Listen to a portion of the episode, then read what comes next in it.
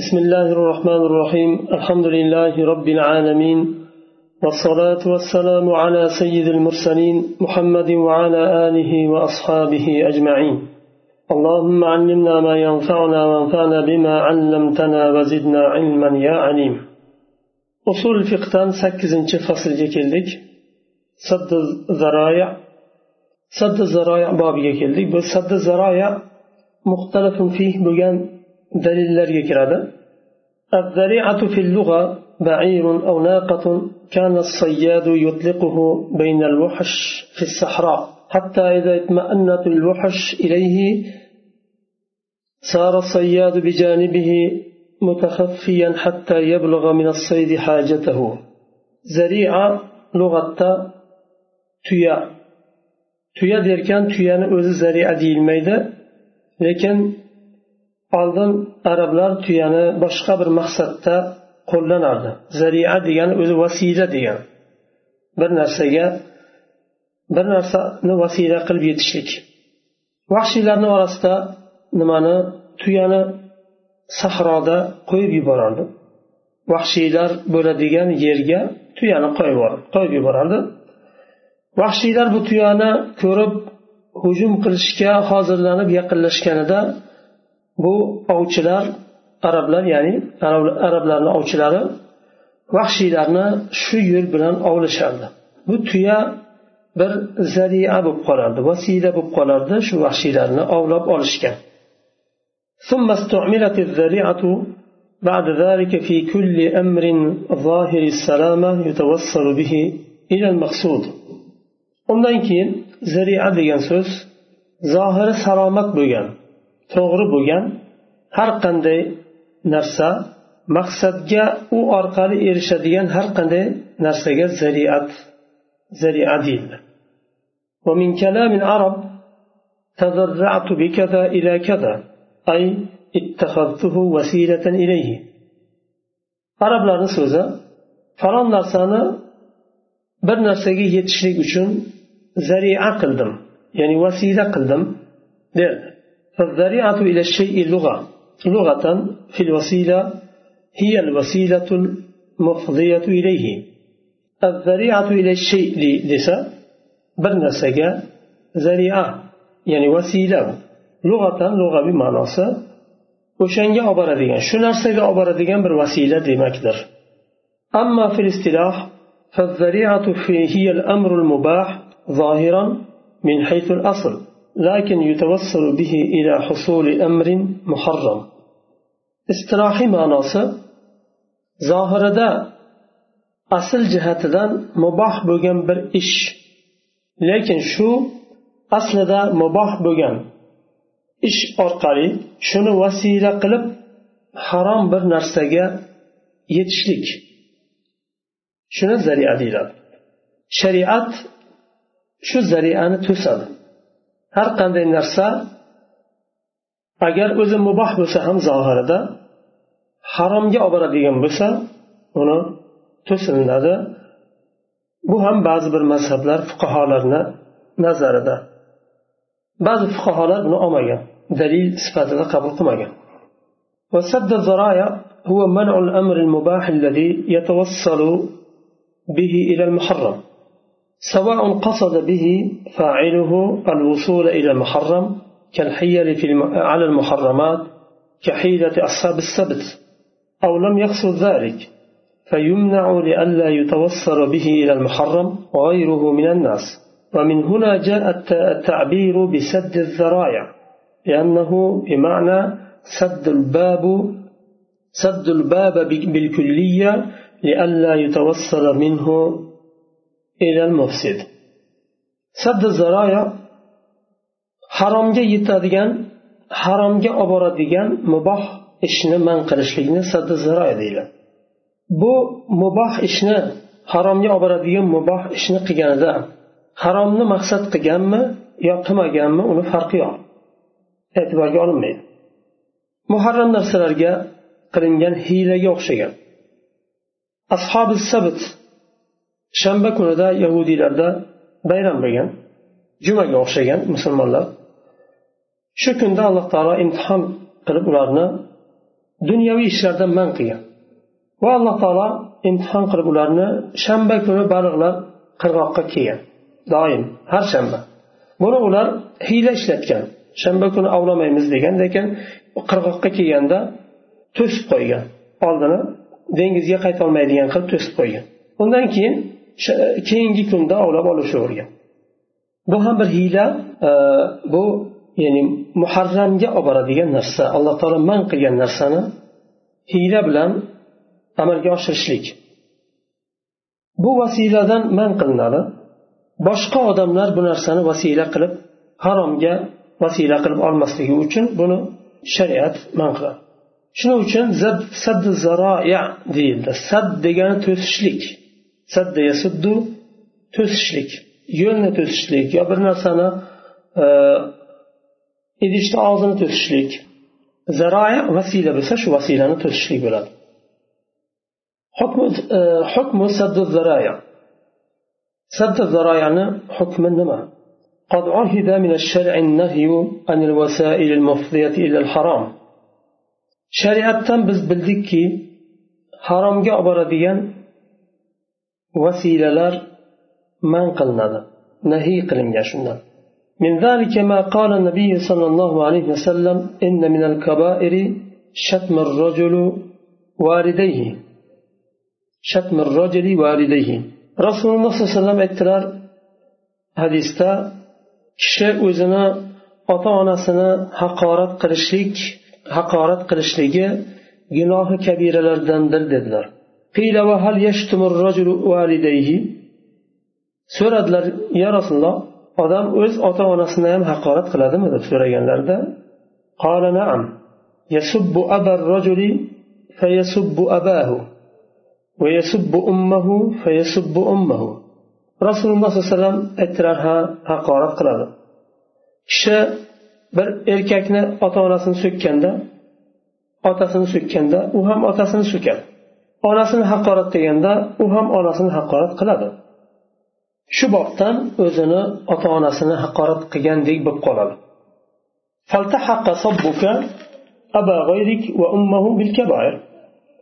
O'zingizdan boshqani otasini va onasini haqorat qilishlik gunohi kabiralarga ergashtirildi teng qilindi. Agar uni ya'ni sizni ota onangizni haqorat qilishiga olib boradigan bo'lsa bu narsa gunoh kabiralardan bo'ldi. Chunki hadisda man qilindi. Va sababi ham agar haqorat qiluvchi kishi bir kishini otasini yo onasini haqorat qiladigan bo'lsa haqorat qilingan odam ham qarab turmaydi o'zing falonday pistonday degan nima bilan uni ham onasini otasini haqorat qiladi. ومن ذلك أيضا أن النبي صلى الله عليه وسلم نهى أن تقطع الأيدي في الغزو أي لئلا يؤدي ذلك إلى التحاق السراق بالمشركين yana bir misol keltiradilar bu nimadan hadisdan rasululloh sollallohu alayhi vasallam jang vaqtida jihod vaqtida o'g'irlik qilganda o'g'rini qo'lini kesishni man qildilar nima uchun chunki qo'li kesilishidan qo'rqib mushriklarga qo'shilib ketib qolmasin deb. Islomga qarshi bir dushmanga aylanmasin degan nima bilan agar shuni qo'lini kesilishligi aslida o'g'rilik o'g'ri agar o'g'irlik qilsa qo'lini kesishlik allohni hukmini joriy qilishlik vojib bo'ladi. Lekin shu vojib narsani rasululloh sollallohu alayhi vasallam man qildilar nahiy qildilar. Nima uchun shu shu narsa vasila bo'lishi mumkin?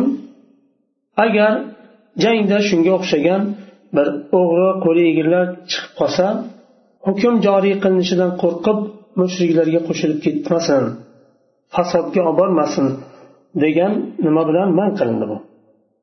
Demak bu ham saddi zaroya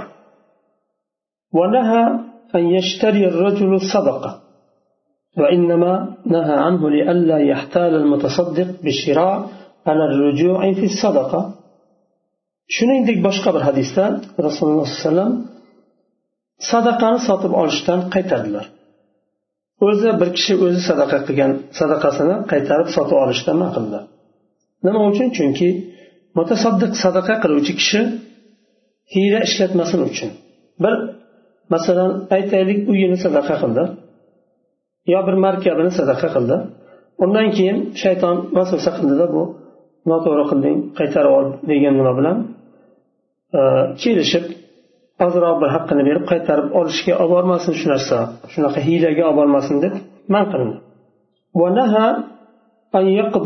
القاضي بين اثنين وهو غضبان أي لئلا يجور في الحكم من حيث لم يقصد shuningdek rasululloh sollallohu alayhi vasallam qozi ikki kishini o'rtasida hukm qilayotganda g'azablangan holda hukm qilmaslikni buyurdilar.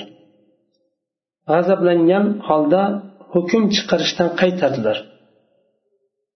Nima uchun? Chunki g'azablangan vaqtida noto'g'ri hukm chiqarib qo'yishi mumkin. O'sha vaqtda hukm chiqarmaydi.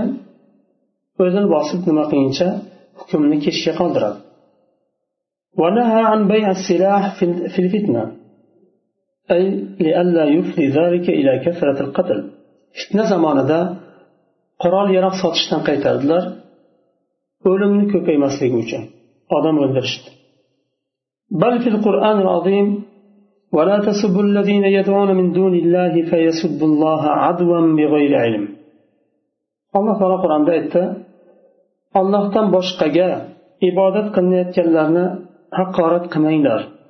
Butlarini haqorat qilmanglar. Agar shunday qilsanglar ular ham ilmsizlik bilan ollohni haqorat qilmasin keyin. Sizlar ularni butlarni haqorat qilsanglar ular ham sizlar ibodat qilayotgan zotni ya'ni alloh taoloni haqorat qilmasin.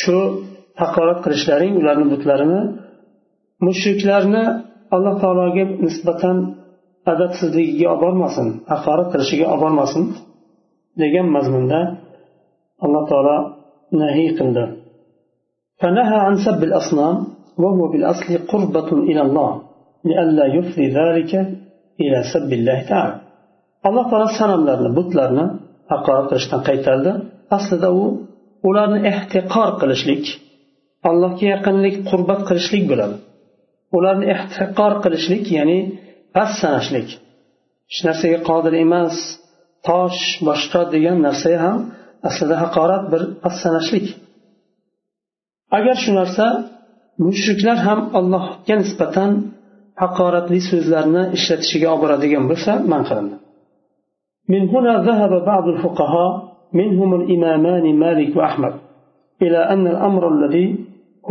هو مباح في الأصل. يفتي المجتهد بمنعه إن كان يفضي إلى الحرام غالبا.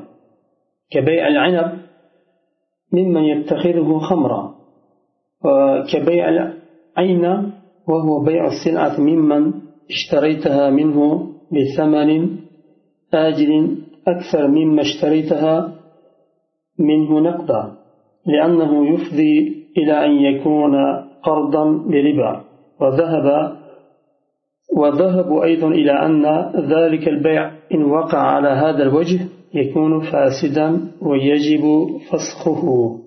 يقال ذا برشت حديث كتلده بر آيات هم كتلده سد الزراعية مثال طريق است. شو سبب لي؟ شو دليل لرغة سوينين حالا؟ بعض فقهالا أولادان إمام مالك وأحمد رحمهم الله. Ular shu nimani? Sadda zirani olishdi va aytishdiki asli muboh bo'lgan ishni agar shu ish g'oliban harom narsaga olib boradigan bo'lsa mujtahid shu narsadan man qiladi. Hukm chiqaradi. Mumkin emasligiga nima uchun? Chunki ko'pincha g'oliban haromga olib boradi. Demak nodiran emas. Masalan o'zimni mast qiluvchi ichimliklarni vino shunga o'xshagan narsalar chiqaradigan odamlarga o'zimni sotmaslik. Yoyinki bayol ayna deyiladi. Bir narsani naqdga sotib undan keyin nasiyaga qaytarib sotib olish. Masalan bir nimani bir uyni deylik. Bayul e, ayna deganda bir uyni yuz mingga naqd sotdi. Undan keyin bir muddat o'tganda shuni qaytarib sotib oladi. Aytaylik bir yuz o'n ming yo bir yuz yigirma mingga qaytarib sotib oladi.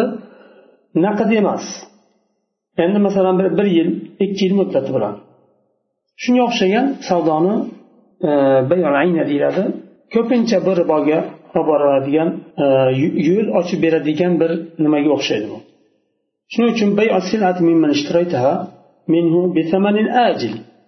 Ajil u e, naqd emas u. Bir muddatdan keyin beriladigan nima? Naqd sotib olganingizdan ko'ra qimmatroq qilib sotdiz nima uchun? Chunki bu e, qarzdan beriba.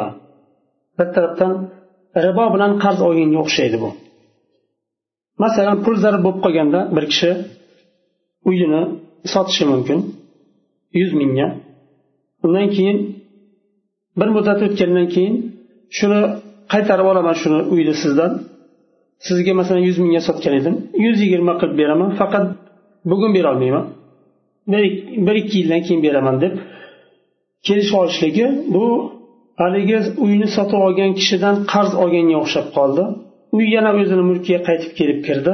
Lekin bu yerda yuz ming dollar masalan e, e, lira e, yuz ming lira bu nima bo'lib qoldi u kishidan olib bir ikki yildan keyin yuz yigirma ming qilib qaytarganga o'xshab qoldi agar shunday bir nima savdo hosil bo'ladigan bo'lsa voqe bo'ladigan bo'lsa imom molik va imom ahmad rahimaullohni mazhablarida fosid bo'ladi va unday bay'ni buzishlik vojib bo'ladi وسواء قصد التوسل به إلى المحرم أو لم يقصده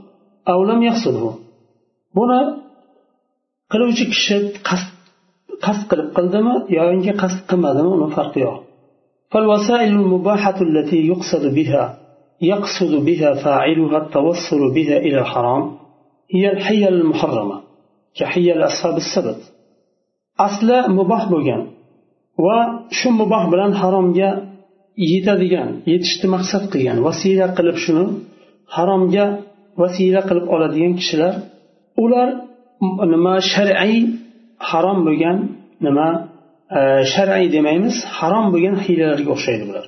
Masalan ashobi sabitni hiylasiga o'xshagan. Aslida baliqni ovlashlik harom emas edi lekin shanba kuni harom qilindi. Yo baliqni yo'lini to'sib qo'yishlik harom emas edi ovlashlik harom edi. Shu to'sib qo'yishlikni ular haligi harom qilingan ishni qilishlikka olib boradigan bir vasila qilib oldi uchun ularni mazammat qilindi bu qilgan ishlari qoralandi agar qasd qilmagan bo'lsa ham haromni qasd qilmasa ham bir vasilani oldi.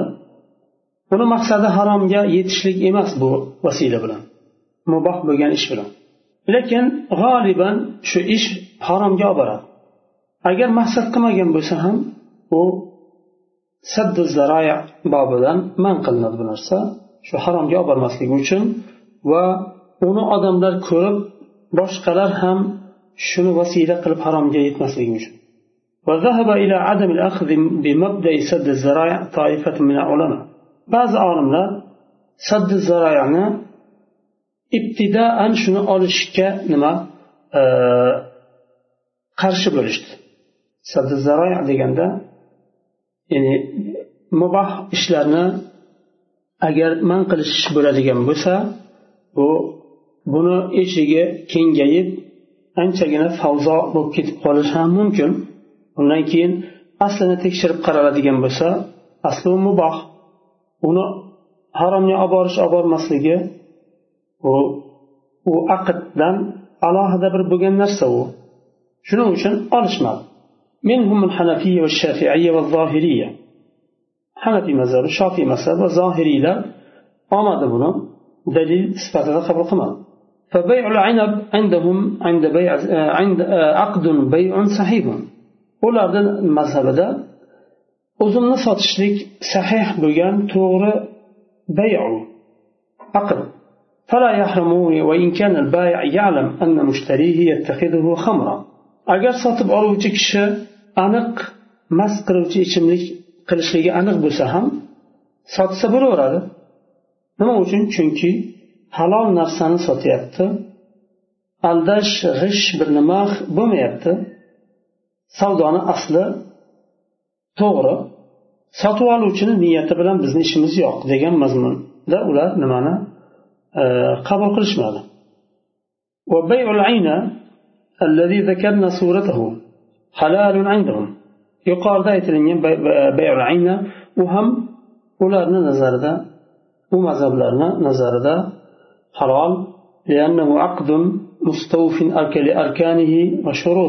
chunki rukunlarni rukunlari va shartlari to'la bo'lgan aqd u فلا يحرم لمجرد خشية إفضاء إفضاء إباحته إلى الوقوع في الربا bu bayni bu aqdni qilishlik riboga olib borishdan qo'rqishlikni o'zi bu nimani bayani aqdni harom qilmaydi deyishdi ular ومن هنا جاز الأخذ بالحيل في بعض الأعمال في مذهب الحنفية ومذهب الشافعية shundan kelib chiqqan holda ba'zi amallarda hiylani olishlik joiz bo'ldi hanafiy va imom shofiyni mazhablarida malik va ahmad imom molik va imom ahmadni mazhablarida rahimahumulloh jamian ularni u kishilarni mazhablarida man qilindi alloh rahmatlasin hammalarini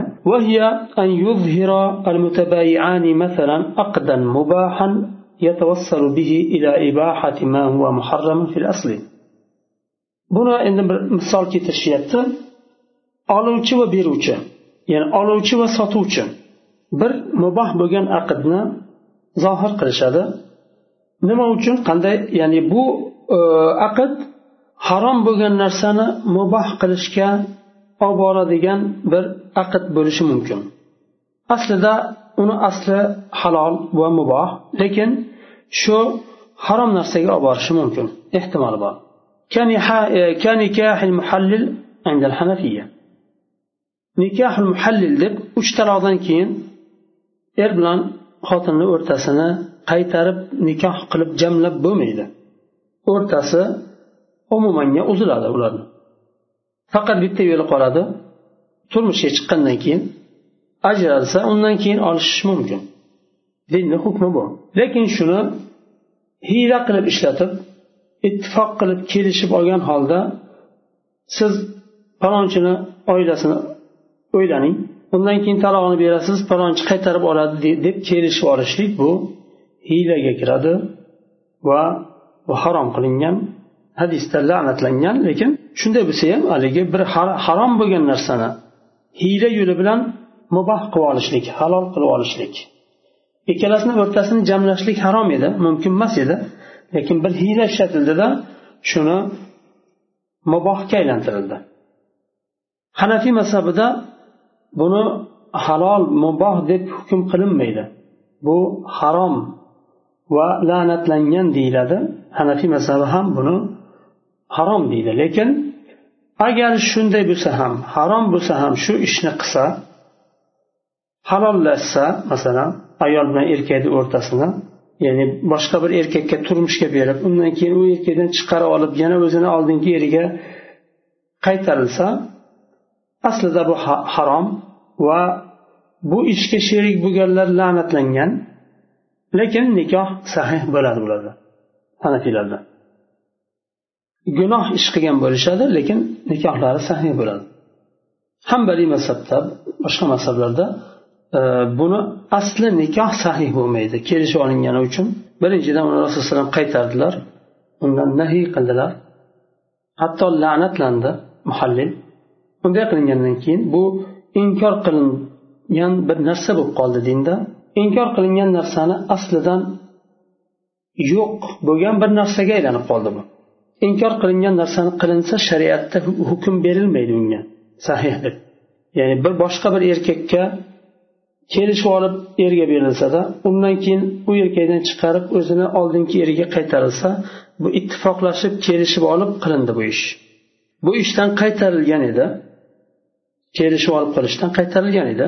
Qaytarilgandan keyin buni agar nikoh qilinadigan bo'lsa harom bo'lgan qaytarilgan nahiy qilingan nikohni qilishdimi u nikohni asli buziladi.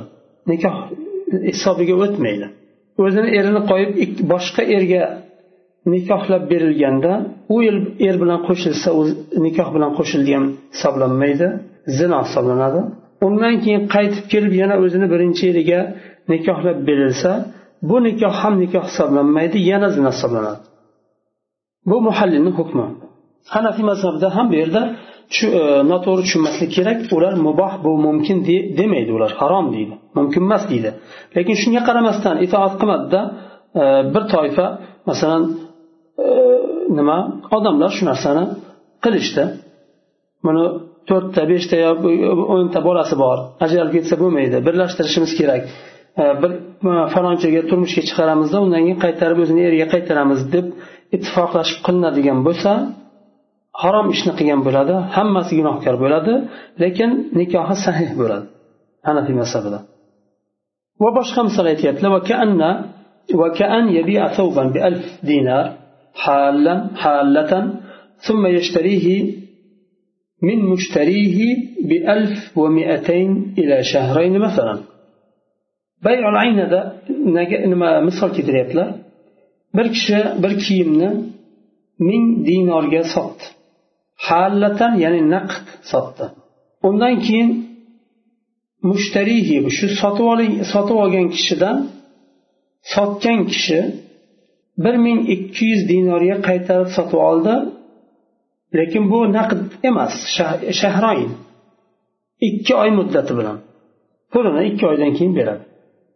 Shu kiyimni o'zi u kishini o'ziga qaytib keldi.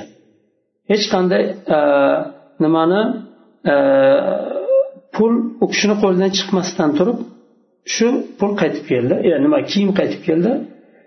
Va shu olgan pulni ustiga ming dinorni ustiga ikki yuz dinor qo'shadida ikki oydan keyin qaytarib beradi. Bu endi kiyimni umuman agar o'rtadan chiqarib tashlaydigan bo'lsa kiyim bu kishi e, uydan chiqdida e, sotib oluvchini uyiga kirdida yana qaytib kelib sotuvchini uyiga qaytib kelib kirdi. Ya'ni joyiga bir aylanib keldi.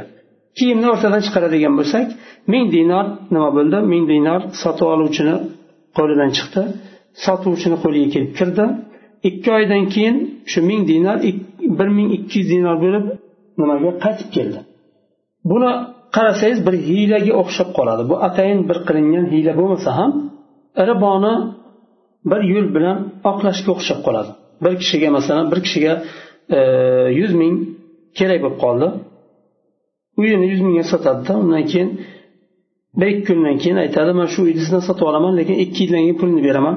Bir ming ya'ni yuz ming emas endi yuz ming yuz yigirma ming beraman deydi yo ko'proq yo kamroq shunga o'xshagan bu riboni oqlashga o'xshab qoldi agar sotuvchisi va sotib oluvchisi qasddan qilmagan bo'lsa ham riboga o'xshab qoladi gumon bor قال الإمام الشافعي إمام الشافعي رحمه الله تعالى لا يفسد عقد أبدا إلا بالعقد نفسه ولا يفسد بشيء تقدمه ولا تأخر عنه ولا بتوهم ولا تفسد العقود بأن يقال هذا ذريعة وهذه نية سوء.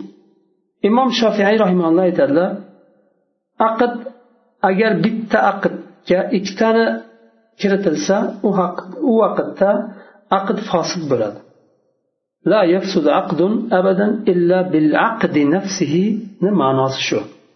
o'zi shu aqdni o'zi bilan ikkita nima qilingan ikkita savdoni bitta nimada aqdda jamlangan bo'lsa u vaqtda qaytarilgan ikkita narsani bir aqdga jamlashdan qaytarilgani uchun fosil bo'ladi u savdo. Undan oldin sotilingan tuzilgan aqd yoyinki undan keyin tuzilgan aqd bilan fosil bo'lmaydi. Chunki ming dinorga shu kiyimni sotganda man sizdan e, bir oydan keyin yo bir ertaga yo ikki uch kundan keyin yo bir falon kundan keyin shu kiyimni ushlab turing man sizdan bir ming ikki yuz dinorga sotib olaman deb shart qo'ymadida. Ikkita aqdni bir qilmadi ya'ni ming dinorga kiyimni sotayotganda ming ikki yuz dinorga sotib olaman sizdan demadi. Agar shunday deydigan bo'lsa ikkita aqdni bir aqdda jamlagan bo'ladida aqd fosil bo'ladi. Shuning uchun imom shofiy rahimalloh aytyaptilar oldindagi aqd yo keyindagi aqd bilan buzilmaydi. Chunki alohida alohida har bittasi alohida alohida aqd. Ming dinorga kiyimini sotganda hech qanday u fosil bo'ladigan narsa qo'shilmadi. Kiyimni sotdi pulini oldi. Qaytarib sotib olayotganda ham uni e, alohida aqd bilan sotib oldi. Ikki oy yo uch oy keyin pulini keyin beradigan bo'lsa u mushtariy bilan kelishilsa sotuvchi bilan kelishilsa ittifoq qilinsa u farqi yo'q halol u dinda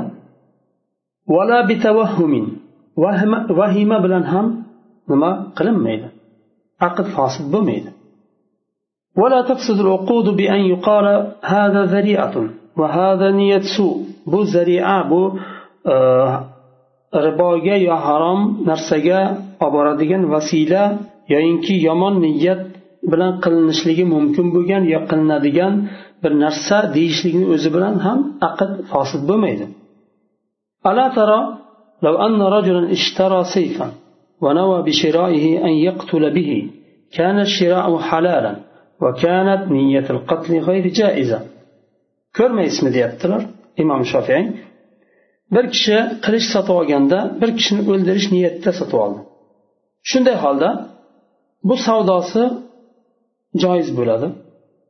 Sotib olgan narsasi halol bo'ladi. Lekin niyati harom bo'ladi. Noto'g'ri bo'ladi. Chunki qilichni sotib olishlik harom emas. Niyati noto'g'ri bo'ldi uni. Bugun masalan pichoq sotib olganga o'xshagan.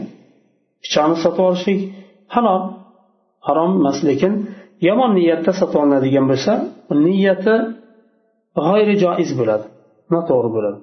Va bu niyat bilan savdo botilga chiqmaydi savdo to'g'ri bo'laveradi lekin uni niyatini to'g'irlash kerak bo'ladi xolos قال وكذا لو باع البائع سيفا من رجل يراه أنه يقتل به رجلا كان هكذا aytaylik bir kishi qilich sotib oldi va sotayotgan kishi shu qilichni sotib olayotgan kishi odam o'ldirishi aniq ekanligini bilardi shunda ham savdo sahih bo'laveradi dedilar shu yerda to'xtaymiz سبحانك اللهم وبحمدك أشهد أن لا إله إلا أنت أستغفرك وأتوب إليك